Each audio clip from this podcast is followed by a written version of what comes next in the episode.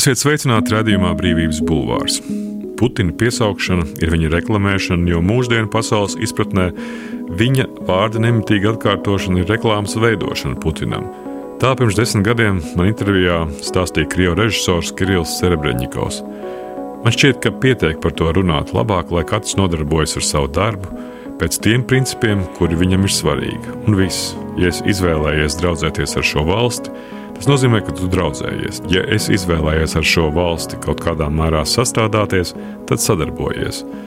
Ja es izvēlējies nesadarboties, tad arī nesadarbojies, dzīvo paralēlo dzīvi. Es esmu izvēlējies dzīvot paralēlo dzīvi. Tā toreiz teica Kirillis Serebļņikovs. Tiklīdz Krievijā pēc vairāk gadu tiesāšanās un vairāk nekā diviem gadiem mājas arestā Serebļņikovam ļāva izbraukt no Krievijas, viņš aizbrauca uz Franciju, Vāciju un tagad ir ieradies arī Rīgā. Добрый un es studiju gosts. Labdien! Mūsu studijas viesis ir teātris un kino režisors Kirillis Serebrennikovs. Здравствуйте. Labdien! Кирилл, я нашел интервью, которое мы с вами делали где-то несколько лет назад. Es atradu interviju, ko jums veidoja pirms kādiem desmit gadiem, un jūs toreiz teicāt, ka pārstāvat paudzi, kas beidz pastāvēt reizē ar Padomju Savienību. Pēdējos gados diezgan izplatīts ir kļuvis viedoklis, ka Padomju Savienība nav beigusi pastāvēt un ka padomju cilvēks ir diezgan dzīvs un ka tas, kas notiek, ir Padomju Savienības sabrukuma turpinājums. Советский человек очень даже жив. Nu, может быть, никто нынешней российской власти не ставит. Nu, iespējams, ka neviens pašreizējā Krievijas iekšienē nav izvirzījis uzdevumu nojaukt. Drīzāk runa ir par jaunas impērijas izveidi, padomju savienības izveidi. Bet pēc būtības, skatoties uz tiem procesiem, ir tāds recidīvs vai pat nu, padomju kontinenta pašnāvība. PSRS, tā skaitā padomju cilvēka, jo tā vispārējā nesaprašana, ko redzam Krievijas sabiedrības iekšienē, kura kļuva skaidri redzama saistībā ar karu Ukrainā, tā kā kaut kādā ziņā tā ir uzskatāma par principiālu. Nu, Nu, давайте будем говорить о советской идентичности. Runāsim tomēr par tādu padomu identitāti. Dotajā brīdī es jums pat nepateikšu, kas ir krievu cilvēks, jo tāpat varētu būt atsevišķa sarunas tēma, kas ir krievu cilvēks šodien. Kā šī identitāte izskatās? Vai tā ir daļa no tās saucamās krievu pasaules, par kuru tagad tur runā, vai arī tas ir cilvēks, kurš attiecās pret uh, lielo krievu kultūru, kuras ļoti mīlu un kuras daļa es gribētu būt, vai arī tie ir tie vienkāršie cilvēki, kuri runā krievu valodā. Tas ir liels jautājums, un tā ir atsevišķa tēma. Ja jūs jautājat par to, kas notiek tagad, tad šobrīd Krievijas sabiedrībā patiešām notiek slimīgi, dramatiski iekšēji konflikti. Tas izpaužas tajā, ka veselīgie, saprātīgie cilvēki, talantīgi ir aizbraukuši no Krievijas. Un tajā no manas puses nelīdz galam izprotamajā agresijā, ar kādu daļa no Krievijas sabiedrības sagaidīja karu, ar kaut kādu prieku, ar kaut kādu priecīgu uzbudinājumu. Tāpēc es teiktu, ka visu šo procesu saprašana vēl tikai kaut kad būs. Tas nav tik vienkārši, un mēs ar jums to vienas sarunas laikā to tik vienkārši neatrisināsim в разговоре не сможем решить. Ну, у вас есть своя версия, почему власть вас... Vai jums ir sava versija, kādēļ Krievijas vara jums tomēr ļāva aizbraukt no Krievijas? Nu, формально я закончил все Formāli man kā beidzās visas tās brīnumainās tiesas prāvas. Nu, droši vien viņi padomāja, nu, lai viņš brauc prom. Es teiktu, ka viss, kas tika izdarīts, bija veidots tā, lai es brauktu prom. Es ilgi nebraucu līdz pēdējiem, es nekur pat negribēju un negrasījos braukt prom. Es tomēr tomēr mīlu Krieviju, to Krieviju, kurā es dzīvoju, kurā es atrados. Pašreizajā situācijā droši vien kādam gribējās, lai cilvēki, kuri ir līdzīgi man, pazūd no turienes. Nezinu, ko man tur domāt viņu vietā, ko viņi gribēja. Un kāpēc viņi tā nolēma, nevis savādāk. Так решили или иначе, но тем не менее. Nu, visam сказать, что надо. Jūs pats reiz stāstījāt, ka, lai emigrētu no Krievijas, tas viss ir jāienīst līdz galējai pakāpei. Vai šobrīd jums ir tieši šāda situācija? situācija Понимаете, какая штука? Я всем людям... Ziniet, es visiem cilvēkiem, kuri man apkārt un kuri man jautā līdzīgus jautājumus, es saku, draugi, nerunāsim par tādu terminu kā emigrācija. Ir jēdziens migrācija un ir jēdziens emigrācija. Emigrācija padomju Savienības koncepcijā, kad cilvēki, kuri aizbrauc uz citām valstīm, zaudē savu pilsonību, zaudē savus pases, nu visu zaudēja. Zaudēja jau kādu iespēju varēja atgriezties atpakaļ tajā zemē. Un viņi saprata, ka tas ir uz visiem laikiem. Nu, patiešām uz visiem laikiem. Šodien tas nebūtu vairs nav tā. Es šodien varu atgriezties. Teorētiski man it kā no šī neviens nevar apstādināt. Teorētiski. Es esmu Krievijas pilsonis. Man nav aizliegts dzīvot pilsētā, kur es pats iepriekš 20 gadus strādāju. Tā nav emigrācija. Ja jūs man jautājat, kāpēc cilvēki brauc prom no Krievijas, dodas uz kaut kādām citām valstīm, nu, pirmkārt, cilvēki dodas tur, kur viņiem ir komfortabli atrasties, kur viņiem sociāli un psiholoģiski komfortabli atrasties un kur viņi varēs sajusties attālināti no tā, kas notiek Krievijā. Es domāju, ka cilvēki brauc prom arī tāpēc, ka nevēlas būt daļa no Krievijas varas. Viņi grib ar šo savu izmisumu raisīto rīcību aizbraucot pašreizējos apstākļos uz citu valsti. Nu, viņi zaudē savas iesildītās vietas, darbu, īpašumus, jo tagad tu nevari aizvest neko. Tu zaudē savu ierasto dzīvesveidu. Viņi zaudē, viņi atrodas situācijā, kurā dzīve jāsāk no jauna. Tā ir tāda izšķirīga rīcība Если культура будет исключена. Ja Krievijas kultūra tiks rietumos, tā teikt, izslēgta. Tāda attieksme varētu veidoties arī pret jums. Un mēs jau redzējām, kā dažādu attieksmi cīņās tika iesaistīts režisors Sergejs Lozņits. Kāds ir, ka mēs jūs uh, kad jūs strādājat ритмos. Да, ну подождите, это отдельный случай, да? Люди, которые говорят э, в каких-то nu, Sergejs Ložņits ir atsevišķs gadījums cilvēki, kuri runā par represijām attiecībām pret Krievu kultūru. Viņi šodien biežāk runā par iepauzēšanu. Iepauzēsim ar Krievu kultūru. Kamēr turpinās karš. Bet redziet, ir tāda lieta, ka es neesmu pārliecināts, ka ar kultūru var iepauzēt. Nu, tas ir pirmkārt. Un otrkārt, par laimi, Ir arī Eiropā tāda veselīga izpratne, un uh, cilvēki mēdz teikt sekojošo draugu. Mēs jau bijām tajā punktā, kurā kultūra tika vajāta pēc uh, nacionālām pazīmēm. Eiropa jau reiz ir bijusi šādā stāvoklī, kad nacionālitātes dēļ vajāja. Un to nedrīkst darīt. Tas nav pieļaujams. Cilvēkus var novērtēt pēc viņu rīcības, pēc viņu pozīcijas, bet ne pēc nacionālitātes.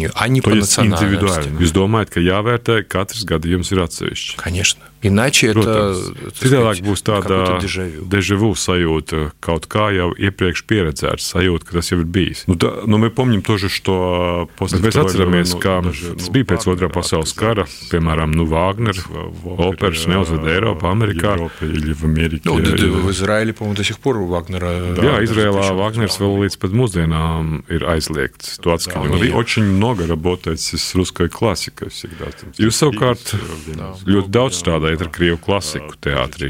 Savulaik Rīgā uzvedāt Gogoli, tagad Hamburgā Antonu Čehovu Melno mūku Un mēs varam redzēt, ka tas naids, ko rada karš, tas uh, skar pat pret kara noskaņoto Tolstoju. Man par laimi tam ir dokumentāls pierādījums, ka nav gluži tā, ka ir tāds naids. Mums bija Hamburgā melnā mūka pirmizrāde tālī teātrī, un visa zāle kājās stāvot 15 minūtes aplaudēja.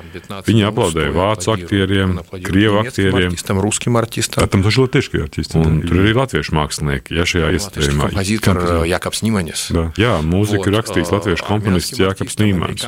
Nu, lūk, armēņu māksliniekiem un cilvēki aplaudē Čehovam un Krievu režisoram, vācieši aplaudē kājās stāvot un cilvēkus par laimi nedēļ pēc nacionalitātes. Viņi šo izrādi bija pieņēmuši. Viņiem nav nekāda naida, tāda nikna naida, par kādu jūs man tagad vaicājat. Nekā tāda nav. Bet tiem, kuri atbalsta karu, protams, pret tiem maigi izsakoties, varētu rasties jautājumi. Skaidrs, skaidrs, ka tur būs nevēlēšanās ar viņiem uzturēt attiecības.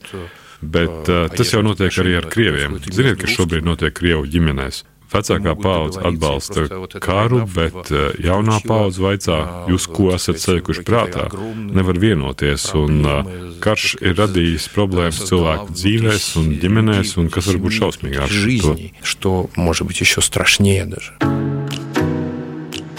Kino režisors un teātris Kirillis Rebņikovs 2017. gada augustā tika aizturēts. Krievijā viņam tika izvirzīta apsūdzība, ka viņš kopā ar līdzdalībniekiem piesavinājies 120 miljonus rubļu, jeb 1,7 miljonus eiro pēc eh, tā brīža kursa, kas no valsts līdzekļiem bija piešķirti Gogoļa centra projektiem.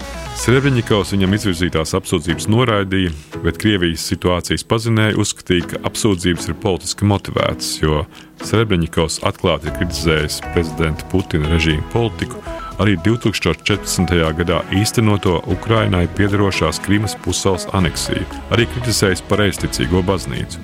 Režisors gandrīz divus gadus pavadīja mājas arestā.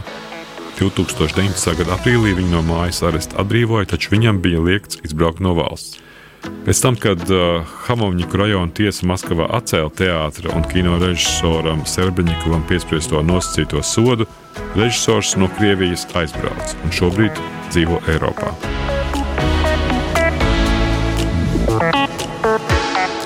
Raidījums Brīvības Bulvārs.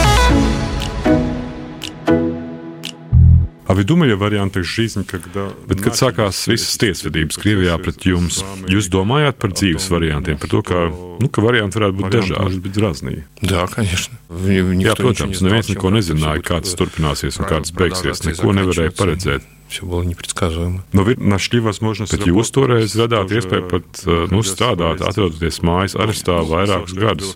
New York Times rakstīja, ka tas bija vesels spiegu stāsta vērts sižets, kā jūs iestudējāt operu Cīrihē. Но это была, знаете, история сопротивления, потому что если тебя хотят... Jā, tā bija pretošanās situācija. Ja tev grib iznīcināt, nogalināt, tevi salauzt, ar ko tu vari tam pretoties. To jau ir aprakstījuši vecie padomju disidenti, Bukovskis un citi. Vajag pretoties.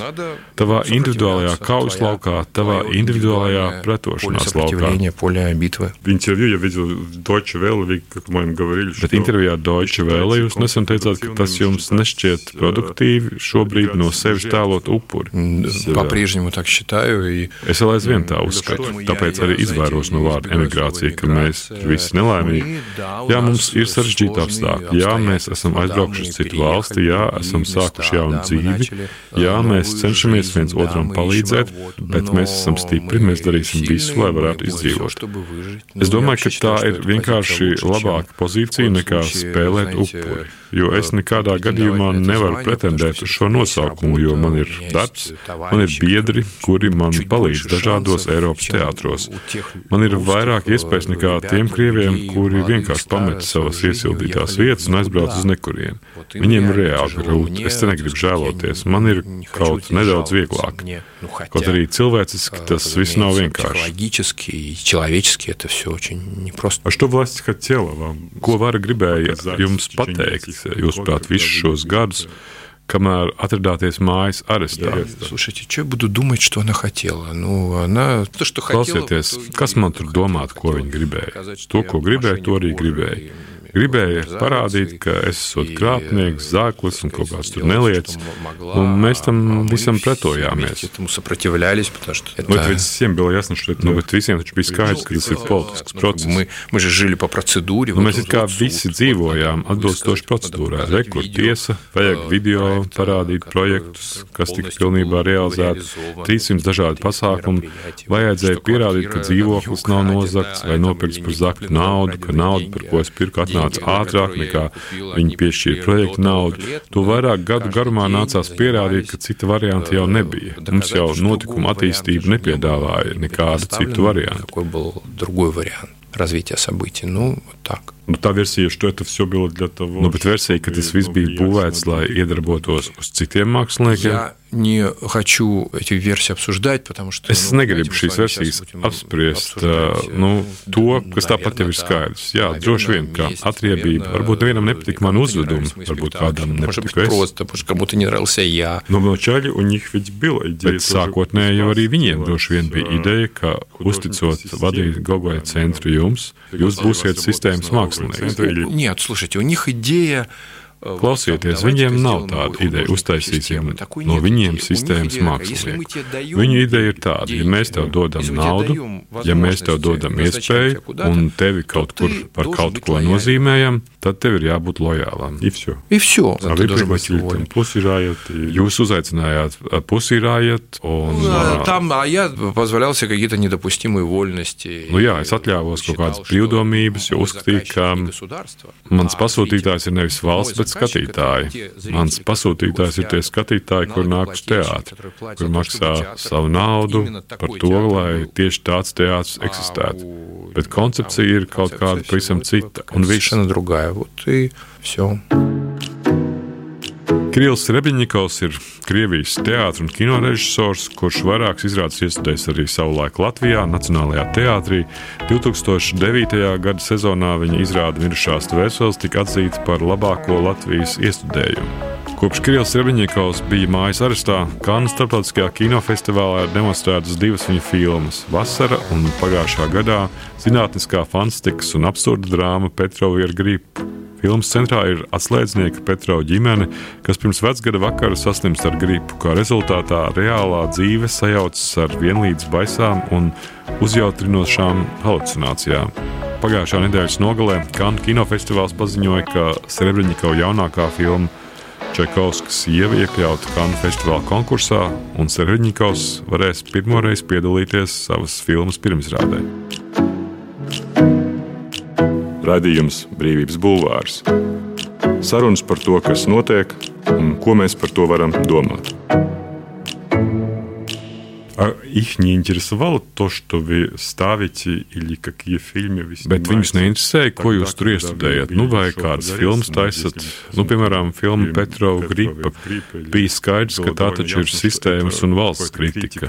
Kritiķis Antons Toļins rakstīja, ka Petrova nav gripa, ka gripa ir Krievijas синоним. В грипп это синоним России. Идея в том, что они, ну, как бы, наверное, что-то другое ищут или, может быть, не умеют это читать. Lieta tāda, ka viņi meklē meklē kaut ko pavisam citu, ka viņi neprot nolasīt, varbūt.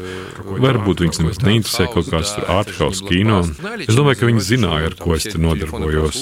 Viņi visus telefonus noklausījās.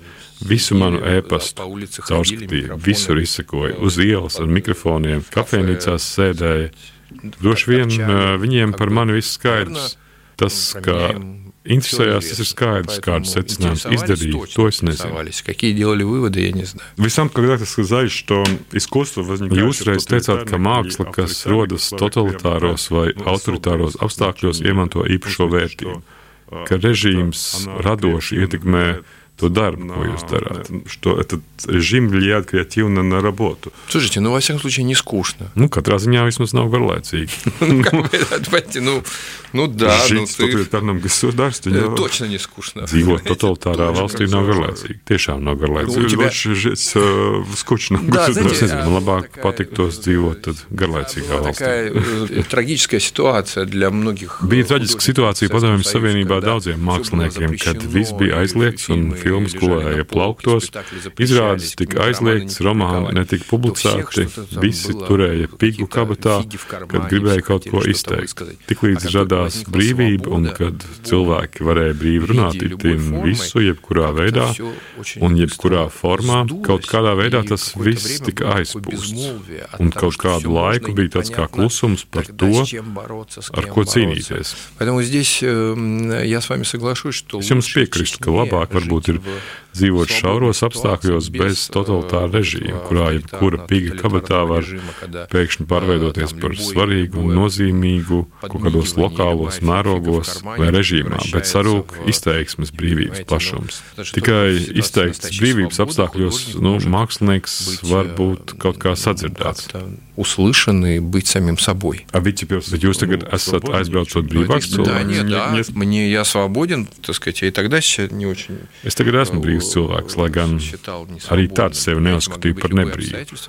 Tu tur nevar iziet, bet neviens tev neliedz rakstīt, lasīt vai domāt.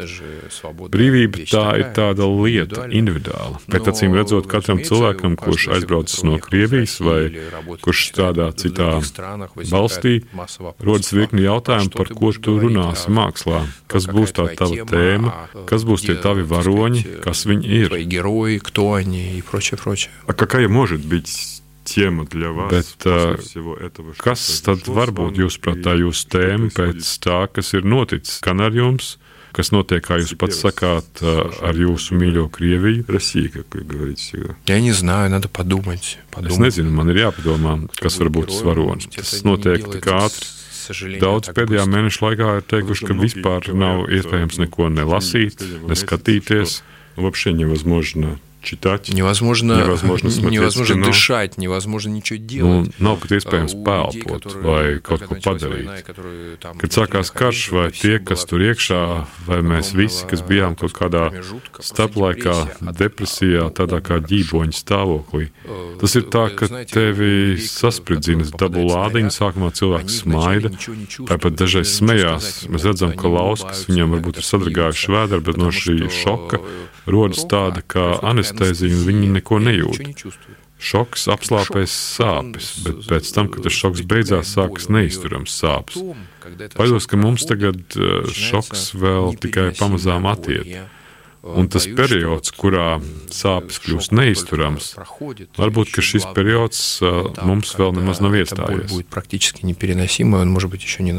Конечно, ясно, что один телевизионный Skaidrs, ka šobrīd jebkurš pats televīzijas sižets par Mariupolu darbojas spēcīgāk nekā jebkurš mākslas fakts. Tad ir jautājums, kāda māksla vispār ir iespējama. Что делать? Ну, какое искусство возможно? Ну, надо какое-то время помолчать, знаете.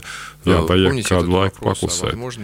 Atcerieties to, ko teica Adorno, vai ir iespējama dzēja pēc holokausta, vai iespējama dzēja pēc osvencības. Diemžēl izrādījās, ka ir iespējams, tikai ne uzreiz. Uh, Šķiet, pagāja 20 gadi, kad par to varēja runāt То есть, когда люди стали осмысливать, а Jā, 60. gados Pols Cēlants izdarīja pašnāvību, jo tās sāpes ar laiku изрādījās neizturams. Потому что, ну, некоторые украинские писатели говорят, Daudz ukrāņu mākslinieki gan saka, ka nerunāsim šobrīd par to, ka krievu kultūra tiek boikotēta, bet par to, ka ukrāņu kultūra vispār tiek iznīcināta. Уничтожена. Ну, слушайте, я с этим тоже не вполне Es tam соглашусь. nevarētu pilnībā piekrist. Man ir sakari ar ukrāņiem, kuri ir ārzemēs vai arī atrodas tur iekšā. Citi karo, citi aizbrauc, tas ir dažādi. Nu, ir Sergejs Lozņits, režisors, kurš ir izcils Ukraiņas kultūras pārstāvis, Ukraiņas kino pārstāvis, lai kā pret viņu pēc kaut kādiem tur iekšējiem principiem, pret viņu neattiektos kolēģi. Tāpēc jau viņš nebūs mazāk izdevies ukrāņu režisors, kurš starp citu ir ļoti ietekmējis to pēcpadomju mītu vai skatījumu uz ukrāņiem, ukrāņu skatījumu uz padomju Savienības vēsturi vai Eiropas vēsturi. Tas ir daudz svarīgāk par kaut kādiem paziņojumiem par to, ko viņš teica vai nepateica laikā, ar kādiem vārdiem, vai arī nebija Ukrainā tajā brīdī, kad viņš to teica. Не, не был в Украине в тот момент, когда он это сказал. Ну, причем тут это главное, Но это что... тоже понятно, что Это во, во от- время от боли. войны... Nu, jā, От tas ir боли. kā Это saprotam, всё jo ir karš. людям так Tas плохо, viss ir я no не очень могу sāpēm. понять. Cilvēkiem Им так ir tik плохо, slikti, ka они viņi кричат, kliedz. они иногда Kad nav kur свою likt агрессию, как to, вы знаете, все имеют cilvēki этот sāk стресс, kliegt uz может, bērniem, suņiem, sāk начинают друг на- konfliktēt с viens ar другом, otru. друг с другом Un te конфликтовать. notiek tieši tas Примерно pats. то же самое, я, мне кажется. Ну почему эта пропаганда влияет? Kā jums šķiet, kādēļ Krievijas propaganda strādā? Pat skatoties šos televīzijā būvētos uh, sižetus, tu domā, ka varbūt tomēr padomju cilvēks ir spējīgs tajos atrast kaut kādus zemtekstus. Ну, слушайте, это работает безотказно всегда. Paklausieties, Если тебя с утра tas до strādā ночи, vienmēr. Ja tev no rīta līdz vakaram ietiet talkšovi, kādus demonstrē Krievijas televīzija, tad var noticēt pilnīgi visam. Atcerieties Ruandas genocīdu, tūkstošu kalnu rādio. Katru dienu tur stāstīja, kā vajag nogalināt cilvēkus. Cilvēki aizgāja un tā rezultātā nogalināja miljonus. Es katrā ziņā neuzskatu, ka tie cilvēki, kurus ietekmē propaganda, ka viņi nepie kā nav vainīgi. Ja tev katru dienu teiks, ej nogalini, ej brāli, galini nost, varbūt mūsos ir kaut kāds tur aizsarga mehānisms, kas neļauj paņemt nāzi un nogalināt tuviniekus. Nu, ir taču kaut kāds aizsarga reakcijas. Es domāju, ka civilizētiem cilvēkiem šādām reakcijām būtu jābūt. Чуть-чуть э, цивилизованных они должны быть. А, Ну откуда э, это... Jā, bet jautājums, no kurienes tad ir tas ļaunums, ja mēs skatāmies uz to, kas notiek Ukrajinā? Тоже Где следует- начало этого зла? Следует который- изучать. От бедности, думаю. Все от бедности. Ну, слушайте. Es domāju, ka tas ir no nabadzības. Viss rodas no nabadzības. Cietsirdība ļoti bieži rodas no nabadzības.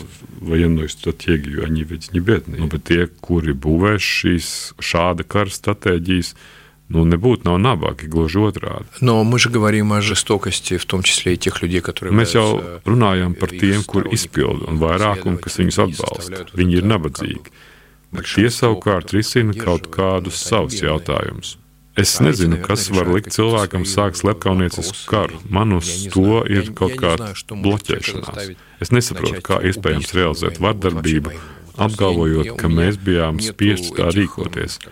Ziniet, es viņu nogalināju, jo biju spiests tā darīt. Nu kā? Es tiešām nesaprotu. Ну как это? Я не понимаю, как это возможно. Вы неоднократно тоже в начале интервью говорили, что вы себя считаете... Jūs vairāk kārt esat teicis, ka sevi uzskatāt par Krievijas patriotu. Ko tas tagad nozīmē būt Krievijas patriotam?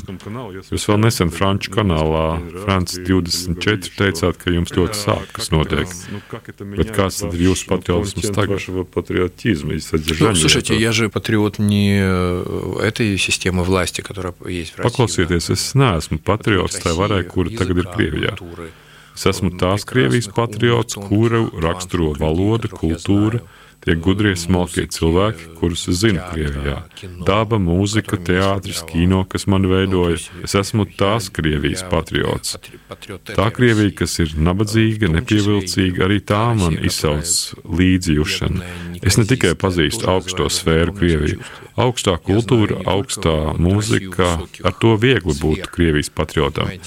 Bet atrast kaut ko tajās nepievilcīgajās pilsētās, cilvēkos, kuros ir pazemība un labais, kaut kas īsts, es to vienmēr esmu redzējis. Ja ar šiem cilvēkiem ir notikusi tā katastrofa, ka viņi būtu sākuši atbalstīt slepkavības, tad man tā ir liela traģēdija. Kaut kāds ticības zudums. Nu, varbūt vārds ticība nav pareizais, katrā ziņā tāds pasaules ainavas sabrukums, kāds man bija pirms tam. Es šo zemi mīlēju tās augstajās izpausmes formās un centos arī caur citām lietām mēģināt prast, radīt kaut kādu citu skaistumu, meklēt tajā visā skaistumu, arī neizskatīgajā, pieticīgajā, novalkātajā, ne tajā, kas ir varens. Tas tur ir. Tur ir kaut kāda spriedze, brīnums. Man liekas, ka tas viss tur ir. Un, ja karš to visu būs iznīcinājis, ja tiks zaudēti miljoniem pustoņu, tad tā būs milzīga katastrofa. Jūs kaut ko teicāt, ka kultūras vienīgā funkcija ir nemelot un saglabāt cilvēcisku seju. Kādas ir iespējas Krievijā kultūrai saglabāt cilvēcisku seju? Ну, слушайте, всегда можно сохранить человеческое лицо. Vienmēr var saglabāt cilvēcisku seju. Es jūtu līdz tiem cilvēkiem, kuri iziet ielās turot rokā Tolstoja romānu Karš un miers. Un kad viņiem par to brūk virsū visi tie ar tiem stekiem, vai pat ar baltu puķi vai baltu lapu, kad iziet ielās, ar karti, uz kuras ir uzrakstīts mieru, pasauli, vienalga ar ko, nu un viņus tad aiztur. Kāds šajās situācijās pat tādā veidā saglabā cilvēcisku seju? Visbriesmīgākā saruna parasti tev ir ar sevi pašu. Nevis tur intervijā, un nevis tur kolēģiem, bet pašam ar sevi. Vai tu esi cūka, vai tu neesi cūka. Kā teica Zeki, vai tu esi cūciskojies, vai tu neesi cūciskojies. Par ko tu esi kļuvis? Sargājiet savu seju. Tā bija tāda sena Ljubīmova lūga ar Vozņasenska vārdiem. Tagad Gogoja cenšas to uzved pēc šīs poetiskās lūgas. Diezgan aktuāls sauklis. A может ли художник быть не политическим? Vai mākslinieks, jūsuprāt, var būt nepolitisks? Jūs pats gan reiz teicāt, ka negribat taisīt sociālu kino, sociālu kino. Как бы наивно говорить, что искусство nu, ir naivi runāt par to, ka māksla nav politika. Māksla ir politika. Tu esi politika. Tāpēc atsevišķi režīmi nemīl māksliniekus un sāk ar viņiem cīnīties, pievērst viņiem uzmanību, atpazīst viņos ienaidniekus, ka viņš cilvēkiem pateiks ko tādu, ko viņiem nevajag zināt. Конечно. Спасибо. Спасибо. Спасибо. Это был Кирилл Сребреников. Paldies. Tas bija raidījums Brīvības bulvārs. Radījuma viesis, teātris un kinorežisors Kirills Srebrenikovs. Radījumu vadīja Gins Grūbe, ieraksts Toms Šits un montēja Noramīts Papa. Brīvība ir brīvība. Nevienlīdzība vai taisnīgums, vai kultūra vai cilvēks laime. Tā teica Iesai Berlīns. Sarunas ar brīvas apziņas un ideju cilvēkiem radījumā Brīvības bulvārs.